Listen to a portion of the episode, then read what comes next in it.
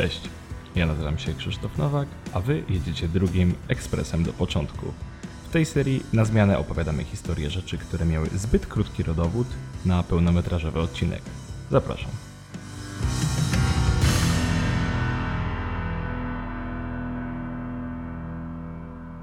Tego lata spotkałem się ze znajomą, która powiedziała mi, że znajomy biotechnolog kompletnie namieszał jej w głowie.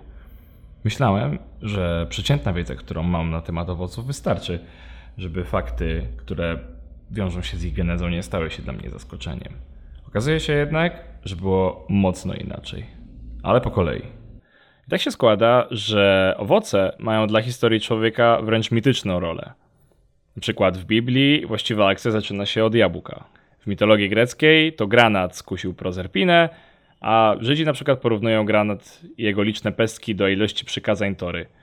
Z kolei truskawce przypisuje się symbolikę rozkoszy ziemskich.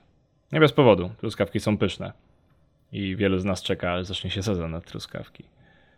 Chociaż w internecie jest mnóstwo ciekawostek na ich temat, na przykład, że były one symbolem bogini Wenus, albo że Krzysztof Kolumb przywiózł je do Europy, większość z tych historii nie jest prawdą.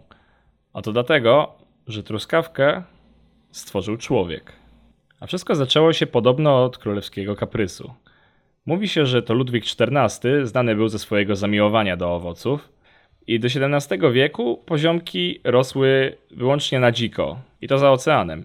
Dopiero pewien francuski inżynier nazwiskiem Amédée François Fraisier, mam nadzieję, że mówiłem to nazwisko jakkolwiek poprawnie, badał zwyczaje żywieniowe mieszkańców Chile – no i podobno to właśnie on przywiózł pokaźne i soczyste poziomki chilijskie jako prezent dla króla. W XVII wieku również poziomki wirginijskie, które z kolei pochodzą z Ameryki Północnej, czyli terenów dzisiejszej Virginii, prawdopodobnie po tym nazwa, zostały również sprowadzone do Europy. Niepotwierdzone źródła twierdzą, że to właśnie zadowolony Ludwik XIV zarządził uprawę poziomek oraz wpadł na pomysł ich skrzyżowania. Nie jest to jednak fakt historyczny, tak więc najbliższy trop tak naprawdę prowadzi nas do botanika, który opublikował pracę naukową traktującą o stworzeniu nowego gatunku owoca.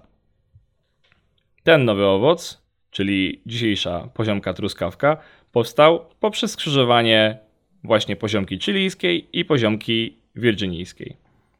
Pan, który to zrobił, nazywał się Antoine Nicolas Duchamp i w czasach rewolucji francuskiej zarządzał on ogrodem botanicznym w Wersalu, jeśli zagłębicie się w więcej prac naukowych tego botanika, możecie znaleźć na przykład rozprawę dotyczącą kabaczka. No i chociaż ogrody botaniczne po siedmiu latach w 1805 roku zostały zlikwidowane, to dziś możemy śmiało powiedzieć, że dziełem jego życia jest właśnie poziomka truskawka, jaką znamy dziś.